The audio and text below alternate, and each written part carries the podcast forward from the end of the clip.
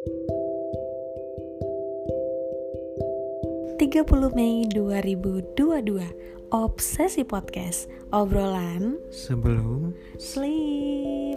Sleep. Itulah. Hai semuanya teman-teman. Apa kabar? Halo. Em, Gimana kabarnya Rangga? Eh, Ya baik. Jadi ini kalau misalkan kalian ada yang notice Kayak sebelumnya nih kita podcast Terakhir kali Ya podcastnya terakhir podcast itu di episode Berapa? 19 apa ya? Itu pasti kan kalau kalian notice suaranya Hmm. eh, dari telepon Namun kita sekarang udah live Udah live bareng-bareng Gak lewat telepon lagi Iya Karena sebelumnya kan eh, aku dan Rangga eh, sempat LDR kan Aku udah ke Malaysia duluan Terus Rangga masih di Indonesia Tapi sekarang Rangga sudah bekerja di sini Akhirnya reloket juga di sini ya. Relocate, Jadi ya. kayak eh, ceritanya tuh gimana ya? Lucu banget ya kayak yang tadinya sebenarnya gimana sih? Ah, Ajaib sih menurutku iya kayak aku nih kerja di tempat eh, temennya Mariska kerja yang waktu itu aku sempat nganterin dia untuk eh, berangkat ke Malaysia. Jadi dia yang pertama kali babat babat babat Babat-babat babat. apa sih? Babat babat hutan lah. Oh iya yang ngebuka iya jalannya yang ngebuka jalan. Dia duluan yang berangkat ke Malaysia pertama kali. Iya benar jadi kita tuh nganterin dia kan berdua. Dan kita pas pulang tuh ngebatin kayak duh enak ya dia Iya. bisa kerja di sana Di Malaysia Kayak- Iya kapan ya kita bisa kayak gitu gitu sampai aku ini loh ceng solawatin kayak kan masuk ke bandara maksudnya vibes bandara tuh kan bikin hmm. iri banget gitu kan kayak eh, ya Allah semoga suatu saat emang bisa kerja juga di luar negeri gitu Mm-mm. Eh, entah kamu ngeh apa enggak waktu kita nganterin bunda ke Malaysia waktu itu Iya. kan sampai akhirnya beberapa bulan setelah itu ya iya aku Nah, itu- langsung Mariska tuh cepet banget Iya, aku langsung eh, di email buat di interview di salah satu company di Malaysia dan alhamdulillahnya eh, keterima gitu. Tapi ya pasti ada prosesnya lah. Namanya perdokumenan in the sky itu banyak ya, ya. banget. long story short Iya. cuman selang berapa bulan Tiga, setelah tiga- setelah si iya tiga bulan sih. si orang nih apa teman kita nih berangkat ke Malaysia akhirnya Mar- Mariska berangkat ke Malaysia Nyusul juga ke Malaysia, alhamdulillah. dari Nah. situ aku juga ikut nganter dari Ikut situ pun nganter. sebenarnya Kita aku udah doa ya sebenarnya aku udah apa ya namanya udah udah masuk punya. tahap interview juga di salah satu perusahaan Malaysia Mm-mm. Waktu itu eh, emang udah. udah Oh udah ya. iya kan udah kan aku udah udah proses interview dan itu di perusahaan si Temen yang kita antar sebelumnya. Iya tempat yang kita antar pertama di mana kantor dia tuh aku ngiler banget kayak, aduh Keren enak kali ya kayaknya. dia bisa kerja di situ. Kapan aku bisa kerja di perusahaan Saat itu, gitu kan? karena kliennya cukup Itu kayak apa sih kalau orang-orang bilang zaman sekarang tuh dream job mani- manifesting. Ah, Kamu tau manifesting Enggak. nggak? Kayak kita tuh eh, berangan-angan dalam hati kayak, aduh kayaknya enak ya kayak gitu, Hmm. kayaknya bisa kayak bisa kayak gitu, kayaknya enak ya. Tapi suatu saat karena kita eh, berangan-angan kayak gitu terus kayak gitu terus lama-lama secara tidak sadar otak kita tuh bekerja eh, semampu kita agar kita bisa menuju ke sana gitu. hmm, tersugesti Iya di bawah alam sadar kayak "Ah, aku pengen punya eh, motor warna ungu deh kayaknya. Kayak walaupun itu jauh gitu nggak nggak nggak kesampaian lah kayak ah duit aja masih segini segini gini cuman dalam alam bawah sadar kamu akan bekerja lebih keras sampai kamu suatu saat akan mendapatkan itu gitu. Tapi menurutku eh, lebih kekuatan doa juga sih. Maksudnya selama kita mengharapkan hal-hal baik ya. eh, kita nggak pernah tahu ke depan siapa yang nyangka ceng. Kita kayak aku dari universitas yang tidak terkenal maksudnya eh, nggak kayak yang UI nggak Iya, kayak iya. Unpad yang kayak kalau orang lulusan sana kerja di perusahaan besar ya udah ya memang mungkin worth it. Nah aku perusahaan kecil ya perusahaan apa namanya? Universitas yang biasa aja Rangga juga malah.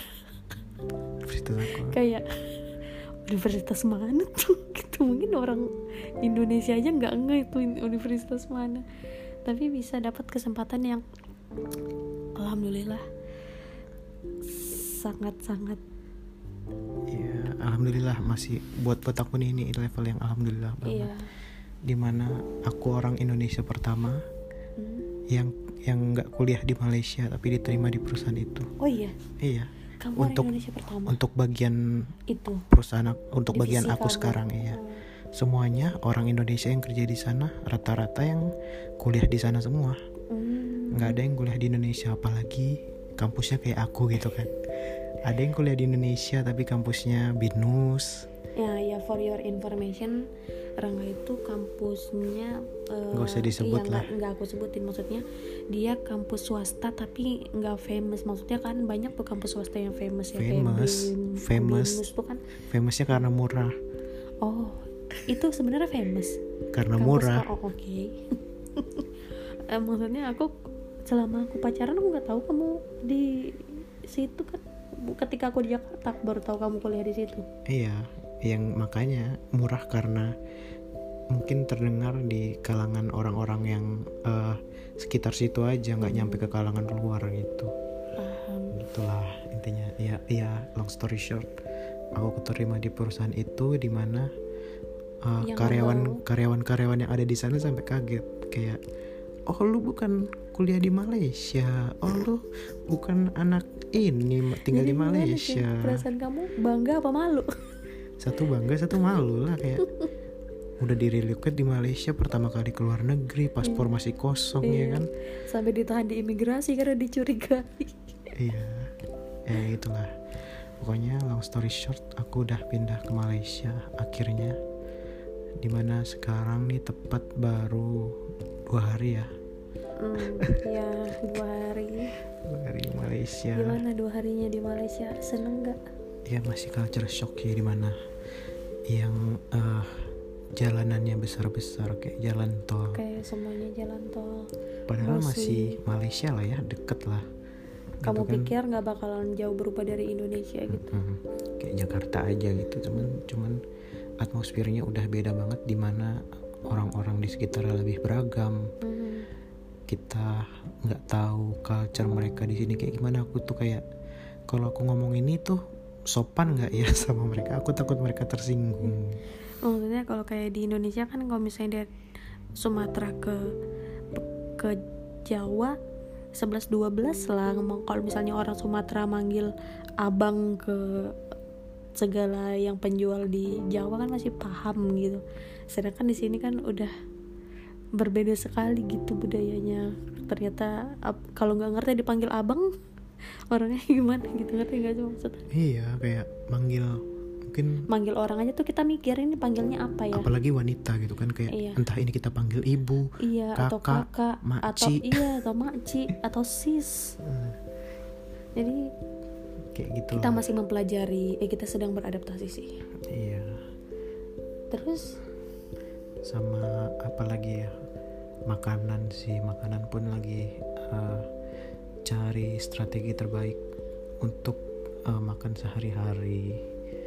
Apalagi eh, kita kan di sini mulai dari nol ya. Mm, nggak ada kendaraan nggak ada apa lagi. Nggak ada semuanya lah. Iya. Tempat tinggal pun aku sekarang belum ada. Ini masih dapat hotel dari kantor. Iya. Ya gitulah. Jadi kalau misalkan di- dibilang eh, enak enak dibilang gak enak pun yang gak enak sulit gitu kan. Em, menurut aku segala sesuatu yang kita dapat tuh kita harus punya modal sih. Maksudnya kayak eh, kita kan pindah ke sini juga berdasarkan maksudnya eh, modal kita ke sini dari duit kita sendiri gitu loh. Kita juga nggak dibantu sama orang tua kita sama sekali ya ya kan? kita emang berdiri di kaki kita sendiri so memang berat lah untuk awal-awal ini apalagi kalau misalnya belum eh, kayak kamu kan gajiannya ke Bank Indonesia ya kan? Eh, it, it takes time yang harusnya kamu bisa ke sini setelah gajian dan punya pegangan. Ya gitulah. Ya ya. Apa ya ya ya ya. Berat. Cuman ya mau gimana gitu kan kita harus eh hadapin itu kalaupun kita mau maju gitu kan. Mau take risk kan mau nggak mau memang iya harus. harus lompat. Mm-mm. jam men. Kalau you never know apa yang ada di depan lu Iya, kalau lu nggak lompat. Kita nggak tahu entah itu adalah lembah yang dalam atau mana. Tahu di bawah ada yang nampung. Iya walaupun sebelumnya kita bisa dibilang udah overthinking duluan. Udah ada di zona yang nyaman lah ya. Betul. Kerjaan udah permanen gitu. Hmm. udah di tempat yang enak gitu kan. Kita udah ada di lingkungan yang kita tahu gitu kan. Di mana kita tahu culture-nya kayak gimana uh, orang-orangnya yang bakal kita temuin itu kayak gimana. Hmm. kita ada keluarga kalaupun kita sometimes uh, make a shit things ada orang di balik kita gitu kan. Yang mau sebut. Nah kalau misalkan aku di sini. Iya sih. I had something wrong. Hmm? kalau aku ngelakuin sesuatu yang buruk di sini pun aku nggak tahu aku harus kayak gimana gitu. Ya. Jadi itu merupakan satu hal yang kamu keluhin untuk saat ini? Iya yang aku takutkan. Ya kalau mau dibilang mengeluh aku mungkin punya banyak keluhan untuk saat ini gitu kan.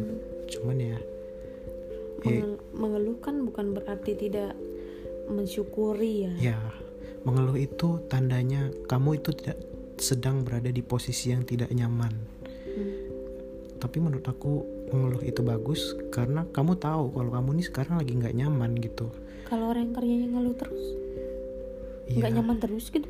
Ya itu ah itulah perbedaannya orang yang mengeluh orang mengeluh antara dia tahu memang dia di posisi yang tidak nyaman tapi kalau dia mengeluh tentang keluhan yang sama berarti dia tidak mencari cara gimana caranya keluar dari posisi yang tidak nyaman itu. Iya mengatasi mengatasi posisi dia Ketidaknyamanan. itu gitu.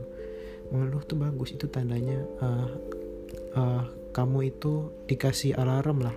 Kalau Iya, ini tuh warning nih. Ah ya ini warning nih. Ini ini ada yang salah gitu kan. Lu harus cari cara gimana sampai lu bisa keluar dari posisi itu.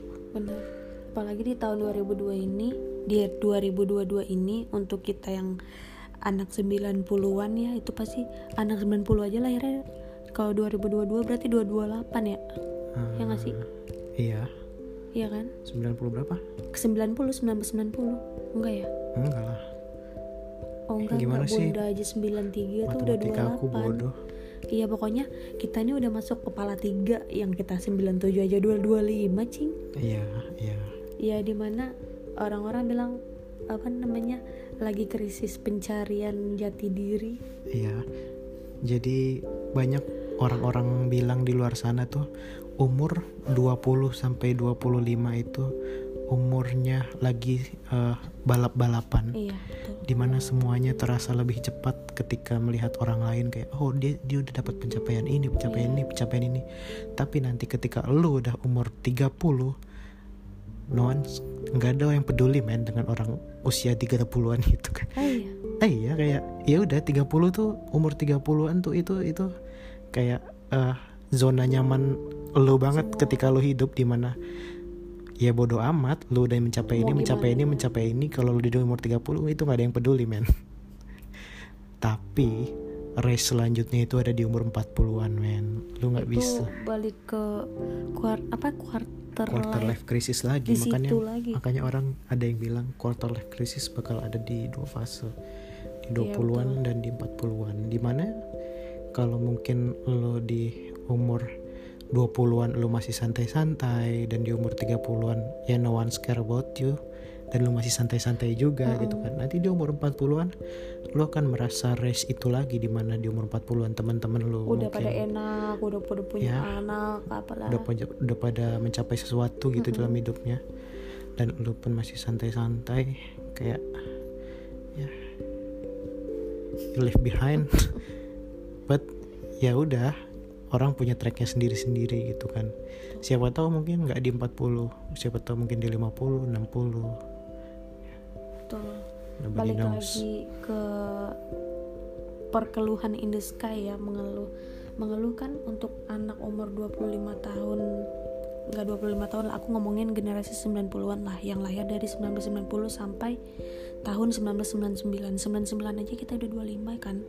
25 99 beda 4 25 21 tahun anak 99 sekarang ya Nah, itu tuh aja mungkin udah ada yang mulai fr- frustasi yang anak-anak 99 mengeluhnya tentang kapan ya lulus. ya ya Nah, itulah anak yang udah lulus ngeluhnya kapan ya dapat kerja. iya Yang udah kerja mikirnya kapan ya punya pacar kalau misalnya masih single. iya Atau mikirnya kayak yang kapan ya gajinya naik. Kan? Nah, tunggu tahan dulu, tahan dulu ya. Misalnya udah punya pacar, nanti mikirnya kapan ya bisa nikah, Iya. kapan ya nabung. Nah, yang udah menikah nanti mikirnya kapan ya punya anak, kapan ya atau punya yang rumah? punya rumah. Nah, iya. yang udah punya rumah atau eh yang udah punya menikah nanti kapan ya punya anak? Nanti yang udah punya anak kapan ya? Eh gimana ya nanti sekolah anak apalah segala macam tuh ngeluh tuh sebenarnya nggak ada habisnya gitu Iya, cuman itu kayak yang tadi gue bilang itu sensor di mana diri lu tuh butuh peningkatan. betul. Iya kan? Kayak kalau lu udah merasakan keluhan itu kayak aduh gua ngeluh lagi nih men. Kayak aduh gaji gua kecil lagi nih men. Aduh kayaknya gue butuh uh, kendaraan nih men. Kayaknya nggak bisa gue kayak gini terus. Ya lu harus cari, cari solusinya. jalan keluarnya. Jangan lu mengeluhkan ngeluh-ngeluh tapi nggak ada perubahan gitu. Ngeluh-ngeluh tapi Iya. nothing to do. Lu hanya mengeluhkan permasalahan yang sama. Mengeluhkan itu itu aja men. Itu itu yang salah sebenarnya. Itu yang salah dari mengeluh. Nggak usah nggak usah kita mikir soal kenaikan gaji mengeluh soal kenaikan gaji atau yang yang gimana ya ceng. Kita ngasih contoh aja yang gampang. Misalnya kita mengeluh kerjaan ini susah nih bingung. Ya deadline kerjaan belum kelar. Iya. apa yang kita lakukan? Mengerjakan detik itu juga. Iya. sampai kelar sehingga bisa dikumpulkan sebelum deadline. Iya. Ya itu yang harus dilakukan. Maksudnya ketika kamu tidak puas dengan gajimu apa yang akan dilakukan?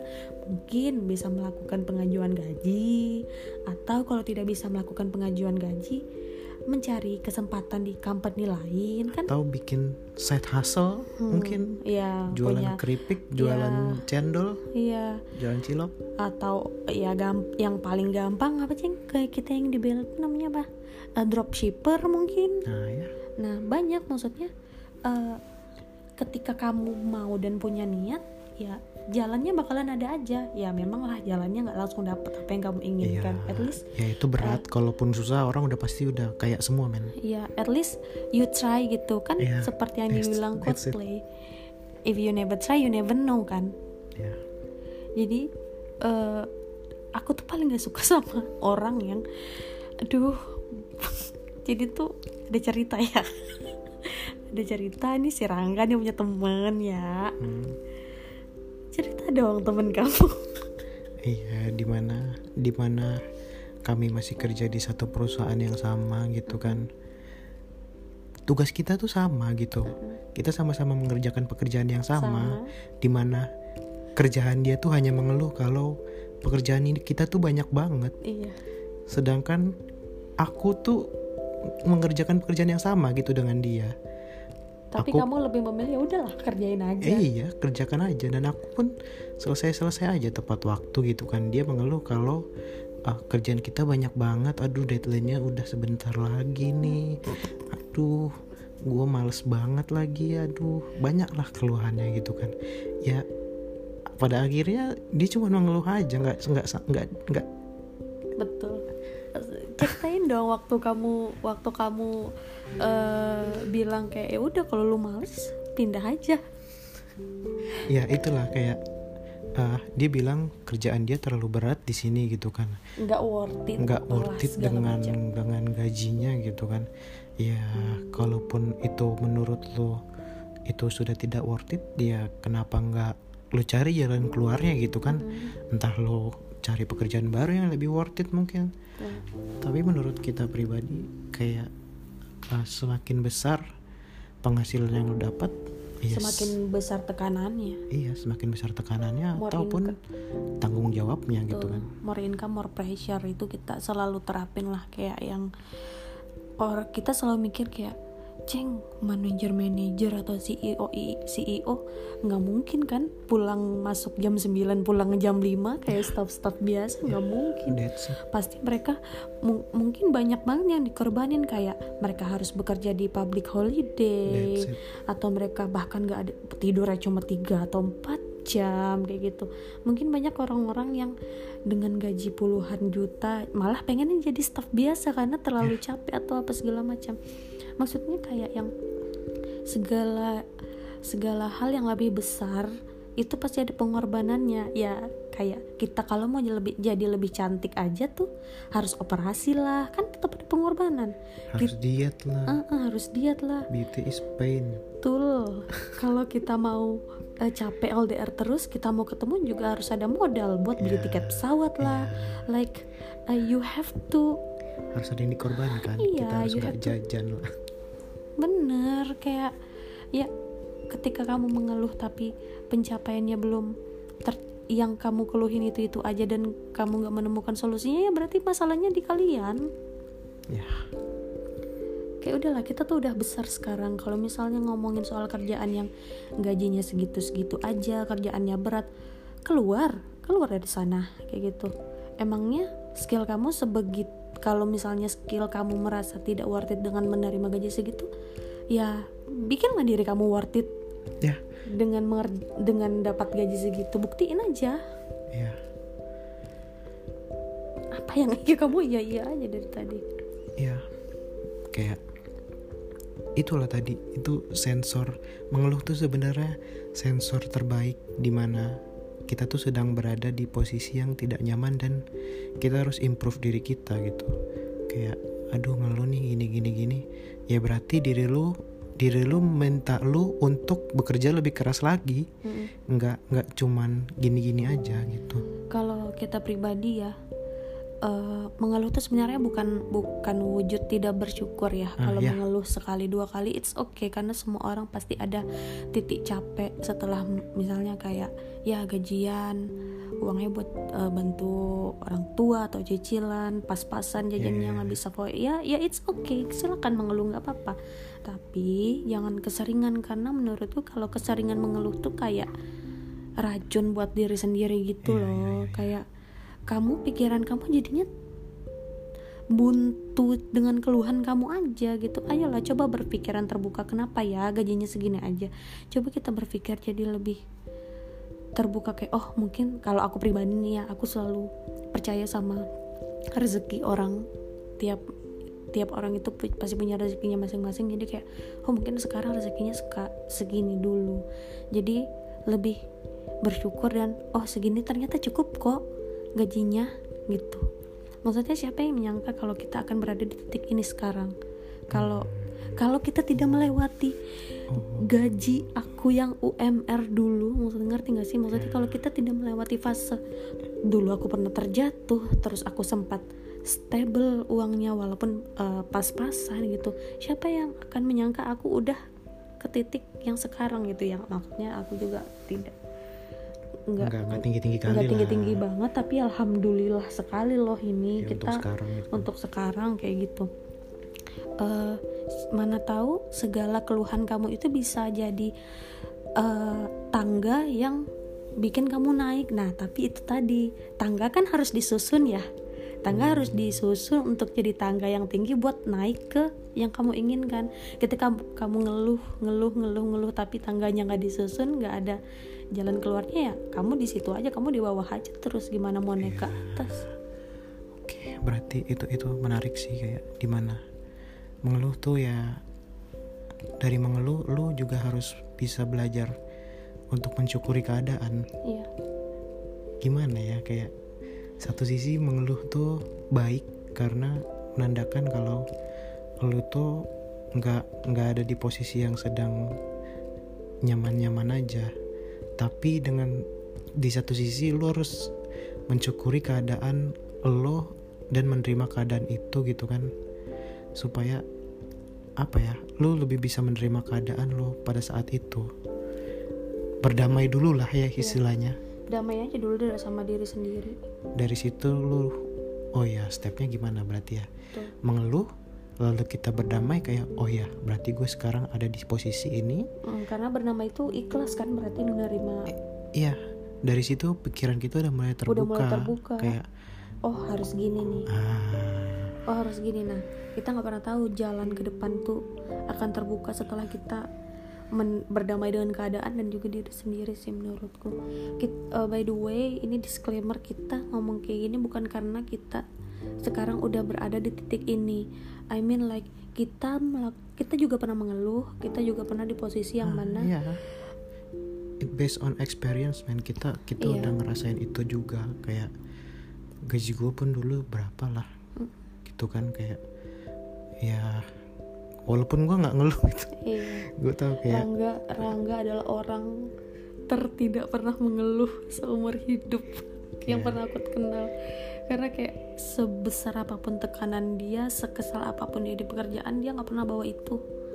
Sa- maksudnya dia nggak pernah ngeluhin itu di waktu ketemu sama aku sih. Beda sama aku yang baru pulang nih dijemput di atas motor. Dia cerita cing tahu gak sih dia tuh gini gini kerjaan aku tuh jadi kayak gitu. Jadi kayak sebenarnya capek sendiri gitu gak sih? Nah, kayak itu dia. seharian udah ngeluhin kerjaan pulang sama kamu ngomongin kerjaan. Jadi kan bikin pikiran makin capek sendiri kan? Itu dia.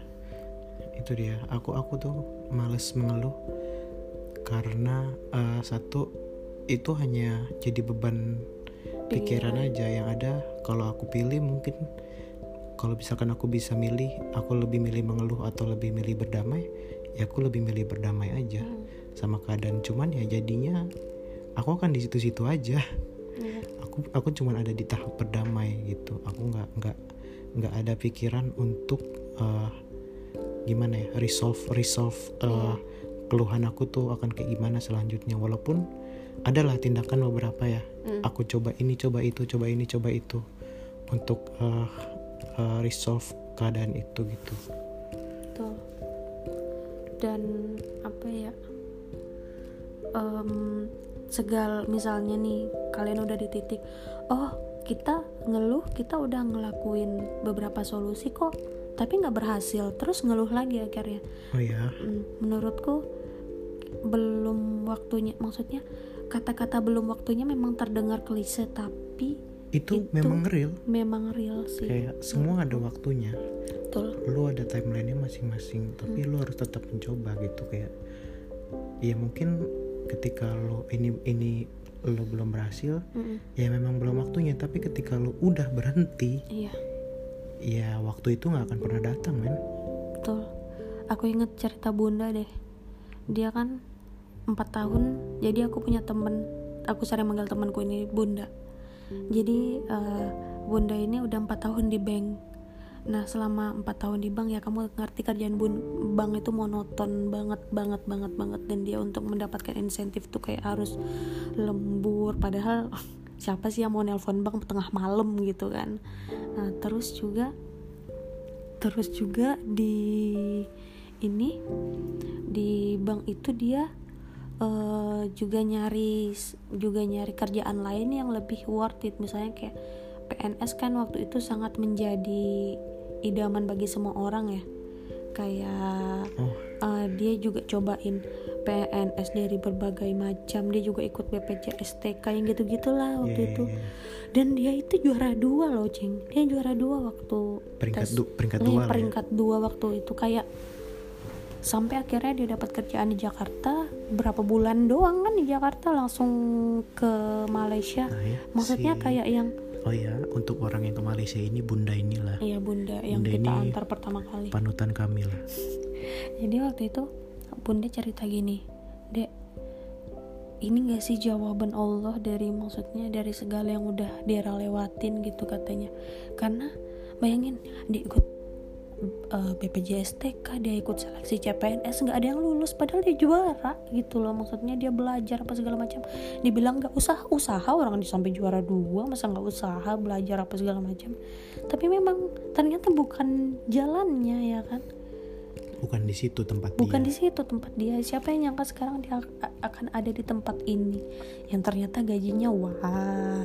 Ya. Sang berkali-kali lipat sangat berkali-kali lipat. Tapi dia selalu bilang kayak aku bersyukur ternyata eh, mungkin itu eh, apa ya kayak pleasure apa sih kenikmatannya itu baru dia rasakan sekarang mungkin kalau aku tidak empat tahun dengan bekerja monoton di bank aku nggak akan ada di tempat Oh. sekarang iya iya itu Kayak- menarik itu eh, dia selalu menikmati prosesnya itu dia sih hmm, ya. nikmatin proses di mana ya kita juga prosesnya juga gampang dari freelance yang cuma dibayar tolong atau 2M makasih mar.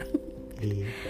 belum lagi kamu yang buka jasa aplikasi tapi bayarannya Dibayar- dicicil. dicicil tiap bulan ya. Tiap bulan jadi kayak lah ya kayak sama aja gajinya. dia menggaji. Tiap bulan ya, mana gitulah. kecil banget. Ya gitulah jadi kayak nikmatin aja gitu loh prosesnya dan jangan pernah mikirin eh, kalau aku pribadi ya teman-teman sekitar aku juga udah ada yang menikah dan juga udah punya anak. Kalau ditanya pengen nggak? Ya pengen lah. Kita juga ya. berusaha keras sedang menabung gitu sekarang. Tapi mm, memang belum bisa sekarang aja. Belum timelinenya. Belum waktunya. Jadi aku percaya kayak orang tuh punya jalannya masing-masing. Mungkin yang ini memang di di garis tangannya dia udah menikah di umur segini kita mungkin memang sedang disuruh untuk bekerja lebih keras dulu apa gimana kita kan nggak pernah tahu. Semua orang punya jalannya masing-masing dengan batu yang berbeda-beda so ya. eh, kita lah yang yang nemuin kita mau jalan tanpa sendal atau kita mau nabung dulu beli sepatu biar jalannya enak atau gimana ya itu tergantung kita masing-masing. Atau kamu mau ngeluh terus jalan tanpa sendal sampai kakinya sakit kena batu-batu kerikil kalian sendiri yang pilih jalannya. Ya jalan orang-orang itu berbeda-beda. Kalian bisa tanya semua orang kaya di ibu dunia ini kayak gimana sih caranya kaya? Gua bisa jamin mereka pasti punya jawaban yang berbeda-beda. Nggak ada jawaban yang pasti nggak ada jawaban yang eksak. Lo harus begini lo harus begini lo harus begini dan lo akan jadi kaya. Nggak Even- ada. even orang yang eh, kaya dari sananya pun pasti dia punya usaha kan untuk mempertahankan kekayaannya. Ya jadi kayak menurutku aku menghargai juga kok orang yang memang udah kaya dan dia tetap kaya tuh ya udah gitu. Berarti dia memang apa sih ceng capable ya kita nyebutnya. Capable buat itu. Hmm, ah ya ya gitulah. Orang nggak nggak semua nggak semua apa ya namanya ya nggak semua orang yang eh, dilahirkan dengan keberuntungan itu bisa eh, mempertahankan keberuntungan itu sepanjang umur hidupnya gitu Hmm. kayak ada orang yang lahir di di keluarga yang kaya tapi mungkin karena dia terlalu manja atau ya gitulah akhirnya kekayaannya putus di dia ada juga orang yang terlahir kaya namun dia mau berusaha keras. Mm-mm, jadi kayaknya long lasting. Iya memang. Long lasting battery life. Iya, Samsung tolong endorse. Yang memang dia worth it lah untuk itulah. Hmm. kayak gitulah. Pokoknya ya kalau dari kita mah kita ngasih saran buat teman-teman sekalian. Ketika menge- mengeluh itu nggak apa-apa tapi jangan terus-terusan. Terus cari solusi dari at- atas keluhan kalian. Berdamai dulu berdamai dengan dari diri sendiri. berdamai itu ya bahasa kitanya ikhlas lah ya. menerima keadaan sekarang. Ikhlas bersyukur. Karena aku nggak bohong kalau kita bersyukur tuh semuanya terasa cukup aja. Ya that's that's it dari poin dari poin berdamai di saat kita mengeluh tuh ya Memang bersyukur bersyukur. mensyukuri keadaan. Kayak aduh kerjaan gue banyak banget sih kayak gini-gini kapan gue selesainya gitu kan. Hmm. sedangkan untuk orang yang sudah bisa berdamai dengan keadaan ya dia udah tahu cara cara mengatasi masalah itu ya dikerjakan. Mm-mm. betul. Kecuali kalau lu sibuk aja mengeluh ya lu nggak akan nemu titik tengahnya kalau titik temu titik damainya. Dan jangan lupa ini sih ya kita hidup di dunia ini kan bukan apa-apa tanpa campur tangan yang di atas ya jangan pernah lupain pertolongan Allah lah ya sesuai dengan kepercayaan masing-masing aja.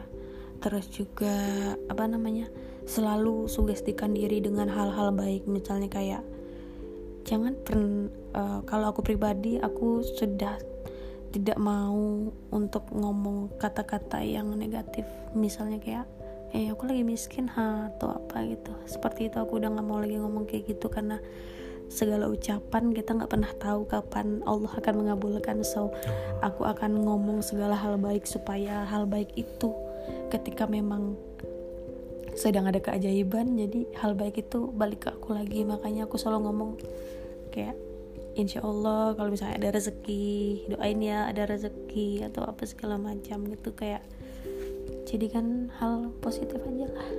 Kurang-kurangin ngomongin hal-hal negatif anyway hmm? tadi kan kita ngomongin PNS hmm? berapa hari ini lagi rame kalau orang-orang yang keterima CPNS hmm? mereka pada cabut. Kenapa? Karena ngelihat gaji CPNS ternyata mengecewakan. Emang iya? Iya kayak orang yang kan tergantung itu nggak sih? Institusi apa sih? Institusi ya? Iya levelnya kayak uh, dia daftar di daerah ini daerah ini daerah ini. Hmm? itu akan berbeda gajinya kayak banyak orang-orang yang baru daftar CPNS sekarang ketika dia diterima mereka udah keterima nih jadi hmm? jadi PNS resign. Resign mereka mundur dari PNS ini.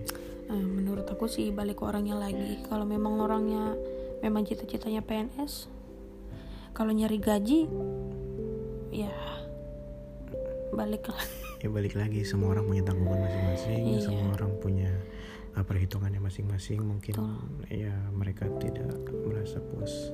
Apa pun pekerjaan kalian apa pun pekerjaannya mau PNS mau startup mau freelance apalah segala macam ataupun yang lagi nganggur ya semoga rezeki kita semua dibukakan ya kan?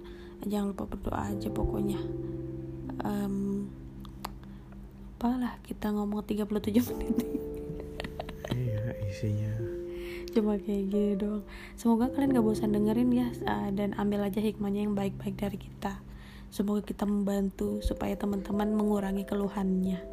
Ya mengeluh itu baik tapi jangan berhenti di titik itu aja. Tuh cari jalan keluar dari keluhan kalian kalian sendiri oke? Okay? kalau gitu saya kira cukup sekian untuk bantuan saya pada hari ini. Iya, langsung ya pekerjaannya ya Bapak Rangga langsung diaplikasikan di sini. Baik, kalau gitu kita pamit ya berdua. Bye.